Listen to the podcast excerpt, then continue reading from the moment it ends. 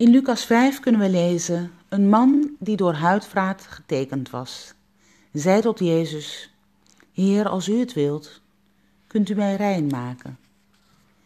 Jezus stak zijn hand uit, raakte hem aan en zei: Ik wil het, word rein.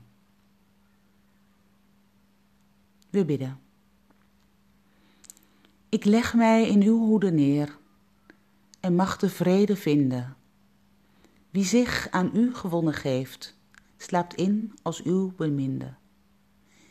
Gij enige die waakt en wacht en steeds mijn hulp wilt wezen, als mij de schaduw in de nacht vervult met duizend vrezen. Ik weet dat ook de dag die komt mij zicht op u zal geven. Ik vind in wat gij hebt voorzien de zin van heel mijn leven. Is dit het uur van duisternis? Uw licht is mij genade. Lamp voor mijn voet, ga mij dan voor op onvoorziene paden.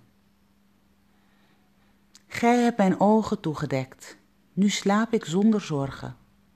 Gij bargt mij tot in deze nacht en voert mij naar de morgen.